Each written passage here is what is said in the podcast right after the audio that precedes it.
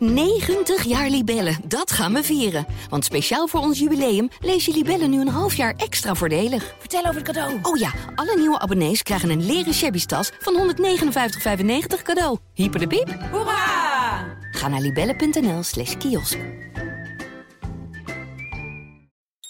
Wat was de laatste fout die jij op je werk hebt gemaakt? Per ongeluk een vertrouwelijke e-mail naar het hele bedrijf gestuurd? Of een veel te lage prijs aangeboden aan een klant? Fouten. We maken ze allemaal. Helaas rust er bij veel bedrijven een taboe op het maken van fouten. Terwijl iedereen snapt dat je van fouten juist kunt leren. Onze missie is om dat taboe te doorbreken. Hoi, mijn naam is Mark Peter en dit is Goed Fout. Een nieuwe podcastserie waarin we korte verhalen vertellen over fouten die zijn gemaakt door mensen zoals jij en ik. En het belangrijkste is wat ze van die fouten geleerd hebben. Elke maand komt er een nieuwe aflevering online. Deze maand maak je kennis met de fout van Lennart. En toen was er een moment dat ik een van de collega's met zijn ziel onder zijn arm het kantoor binnen zag lopen. Dat was Lars. Ik zei, holy shit, what the fuck is er met hem joh? Gewoon een zombie gewoon. Goed, maar eerst even voorstellen. Lennart is 33 jaar, heeft een gezinnetje met twee kids, zit thuis in Maasluis, een paar mooie tatoeages en hij is organisatiepsycholoog. En oh ja, hij struikelt bijna over zijn eigen woorden. Luister maar. Ik ben uh, Lennart Thoma. Ik probeer uh, bedrijven eigenlijk menselijker te maken. Dat doe ik door nieuwe manieren van bedrijfsvoering uit te proberen, te experimenteren en zo te zorgen dat mensen nog lekkerder in hun vel zitten. En uh, zo ben ik bij Kito terechtgekomen, direct na mijn afstuderen. Kito is, een, is van origine een webshopbouwer. Daar komt de naam ook vandaan. Key to e-commerce, Key to e. En wij zeggen dan gewoon Keto, sleutelteen. Lennart is van Kito, van origine een webbouwer. Maar toen alles nog koek en ei was, deden ze veel meer dan dat.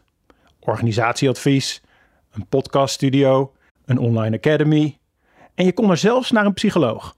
Ja, dat is Kito. Het slaat nergens meer op. En dat is ook wel iets wat we een beetje wilden stiekem, of wat ik dan wilde. Dat het alle kanten op zou kunnen gaan. Bij Kito is een goede vibe, het team groeit, iedereen mag ondernemertje spelen. Nou ja, als jij pizzabakker wil worden, ga maar doen. Mag onder de vlag van Kito. Kijk maar of je het voor elkaar krijgt. Kito's manier van organiseren haalt het nieuws. 3月1日からのニュースです。オランダのマーケティングエージェンシーキート Zelfs tot in Japan. The sky is the limit. De Kito-collega's experimenteerden erop los. Regels? Die hadden ze liever niet. Alles moest kunnen. Zelfsturing puur zang. Dat is wat mensen willen in een baan, toch? Ja, dat klinkt natuurlijk als één groot feest. Maar gaat het dan altijd goed? Gaat er dan nooit iets fout? Iets goed fout, zeg maar. Het was zomer 2018. Bij Kito experimenteerde Lennart er lustig op los. Samen met Cedric, een van de oprichters, werden ze op events gevraagd en ze schreven zelfs een boek over hun vernieuwende manier van organiseren. Maar bij de collega's begon het te schuren. Ze waren wel klaar met die experimenten. Er kwamen irritaties. Oh, komt Lennart weer met een nieuw idee. Jezus Christus. Moet het nou, weet je al? Um, uh, en dat werd op een gegeven moment werd ja, niet tegen me gebruikt, maar ik, ik merkte dat het een beetje direct eruit was. Dus toen uh, besloot ik samen met Cedric om een, dus die nieuwe BV te starten, een soort subonderdeel te maken van Kito. Het plan leek logisch. Zij eruit, geen irritaties meer en bovendien ruimte voor nieuwe collega's om op te staan. En zo geschiedde. Het waren twee jonge gasten, die, kwamen, die waren als stagiair bij Kito begonnen, zijn toen in dienst gegaan. Daar zat heel veel ondernemende spirit in. Uh, uh, leuke gasten, slim. Uh, weet je, visie ook. En ja, dat, dat ging wel goed, weet je, dat was wel tof. dus die pakten het op, die trokken de boel voort. maar gaat dat wel goed met twee onervaren collega's die de boel overnemen? Het zat Lennart toch niet lekker. Hij maakte zich zorgen. Hij zag dat er gaten ontstonden bij Kito. Gaten die misschien niet meer opgevuld konden worden. De energie liep er letterlijk uit. Maar met een kleine ingreep leek het schip zo weer vlot getrokken. Wij dachten, we zouden misschien weer terug kunnen gaan naar een soort fusie. Dus dat we toch weer samensmelten als één BV weer. En op die manier verder gaan. En dan die combinatie van marketing en organisatieadvies weer samenbrengen. Dus wij gaven dat idee aan. En zij ketste dat af. Zij zei: nee, Wij hebben dat niet nodig. Wij kunnen het zelf. Wij willen het ook heel graag zelf doen. We zijn bang dat als jullie weer komen, dat jullie weer heel erg de regie gaan bepalen. Maar wij willen het nu zelf doen. Wat voor ons op zich wel zo'n idee was van, oh, nou ja, als ze dat zo stoer durft te zeggen, dan zal het waarschijnlijk wel goed gaan. En ze zeiden, financieel gaat het ook goed nu, dus ja, laat ons lekker, eh, lekker verder eh, knallen. En uh, blijf lekker buiten. Oké, even goede vrienden, prima, weet je wel. het is jullie besluit ook. Helemaal best. Maar in de maanden daarna ging het toch slechter met Guido. De collega's waren in een soort overlevingsmodus gekomen. Ze zeiden ja op iedere opdracht die ze konden krijgen. En als klanten veel meer vroegen dan was afgesproken, dan kon dat gewoon tegen de afgesproken prijs. Alles om die klanten maar aan zich te binden. Maar door al die beloftes kregen ze het zo druk dat ze veel beloftes niet meer waar konden maken. Met als gevolg dat klanten gingen klagen en ze nog meer beloftes gingen maken om de klant weer tevreden te houden. En zo kwamen ze in een visueuze cirkel terecht. Of zoals Leonard het noemt. En toen was het een spiral down.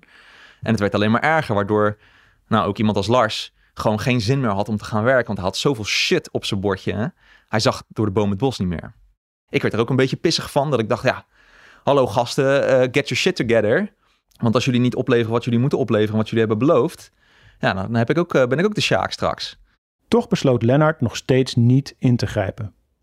De autonomie van zijn collega's was nog steeds het allerbelangrijkste, dus ze moesten en zouden het zelf oplossen.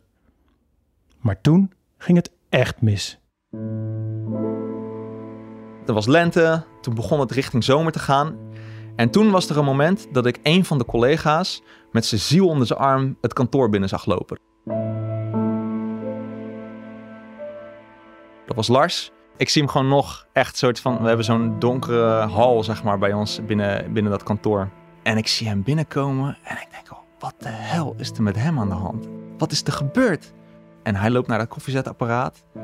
En ja, ik, normaal gesproken zeg ik dan, hey, alles goed? Of zo, of uh, hoe gaat het? Of uh, wat is er met jou aan de hand of zo? Maar ik durfde dat gewoon echt niet bij hem te zeggen. Gewoon. Dat is echt...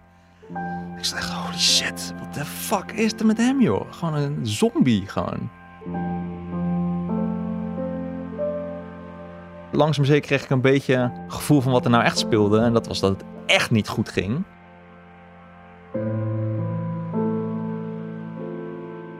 Ze besluiten iedereen bij elkaar te roepen om de koppen bij elkaar te steken en het te hebben over waar het nou spaak was gelopen. Waar was het misgegaan? En belangrijker nog, hoe zouden ze hier samen uitkomen? Die middag begon moeizaam. Iedereen kon wel benoemen wat er allemaal fout ging. Er werden geen knopen doorgehakt, niemand pakte de verantwoordelijkheid. Kortom, alles ging langzamerhand de verkeerde kant op. En uiteindelijk drong het tot ze door. We missen leiderschap.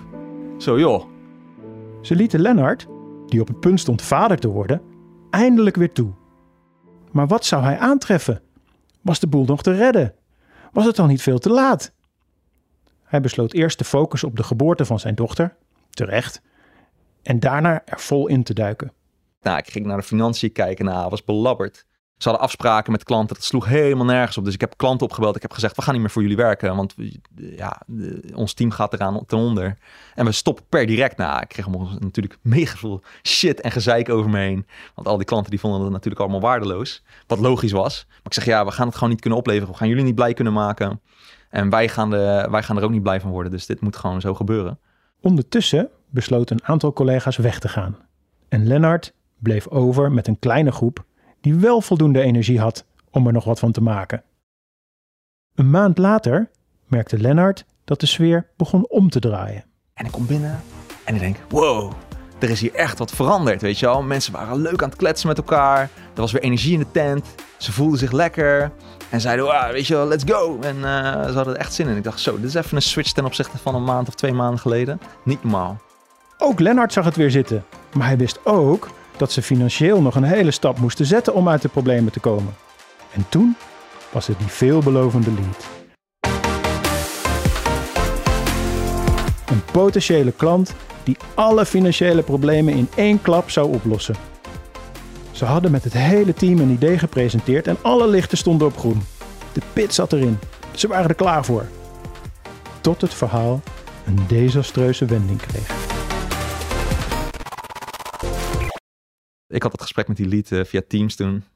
En eh, die dame aan de andere kant die zegt zo... eh, ja, ik heb een beetje vervelend nieuws voor jullie. Wij zijn zo enthousiast over het idee. Dat hebben we intern gepitcht. En er zijn zoveel collega's ook enthousiast geworden over het idee. En die wilden wat kunnen bijdragen. We gaan het zelf doen. Bedankt voor het idee. Toedeledokie. En dat was basically het gesprek.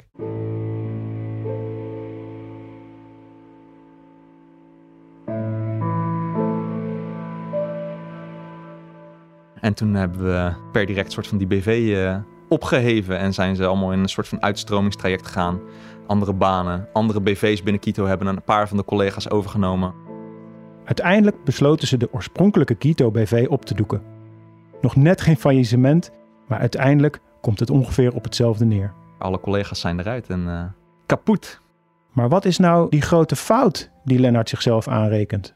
Ja, het moment dat ik echt wist van shit, ik heb het fout gedaan, was echt het moment dat die jongen met zijn ziel onder zijn arm binnenkwam. En ik te horen kreeg dat het niks te maken had met privé-situatie, maar echt werksituatie. Toen dacht ik echt. We hadden echt zoveel eerder al. Oh mijn god, hoe ver hebben we het laten komen, weet je wel? We hadden al zoveel eerder kunnen ingrijpen. Waarom hebben we het zo lang laten doormodderen? En ook met alle geluiden van al die klanten eromheen. Ah, we zagen het al lang. We, hadden we hebben het er zo vaak over gehad. En we bleven maar afstand houden. Omdat we dachten, ja, nee, die autonomie is toch ook belangrijk? En ja, dat is wel belangrijk. Maar niet als het, als het de hele tent eh, kapot gaat maken. Maar wat heeft Lennart nou van deze fout geleerd? De grote les voor mij was dus echt achteraf van... Wauw, leiderschap heeft echt wel mega veel impact. Dus je kan nog zo zelfsturend of zelforganiserend zijn als je wil. Heel veel de mensen super veel vrijheid geven, hun de hele tent laten bestieren. Alleen dan moeten ze wel sturen.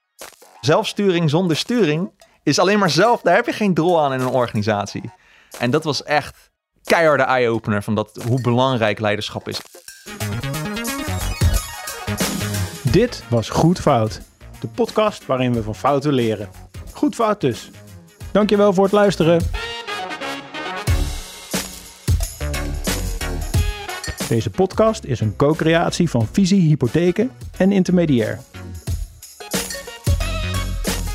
Als jij een goede fout hebt waar je over wilt vertellen, stuur me dan een mailtje op goed@fout.nu en misschien ben jij wel onze volgende gast.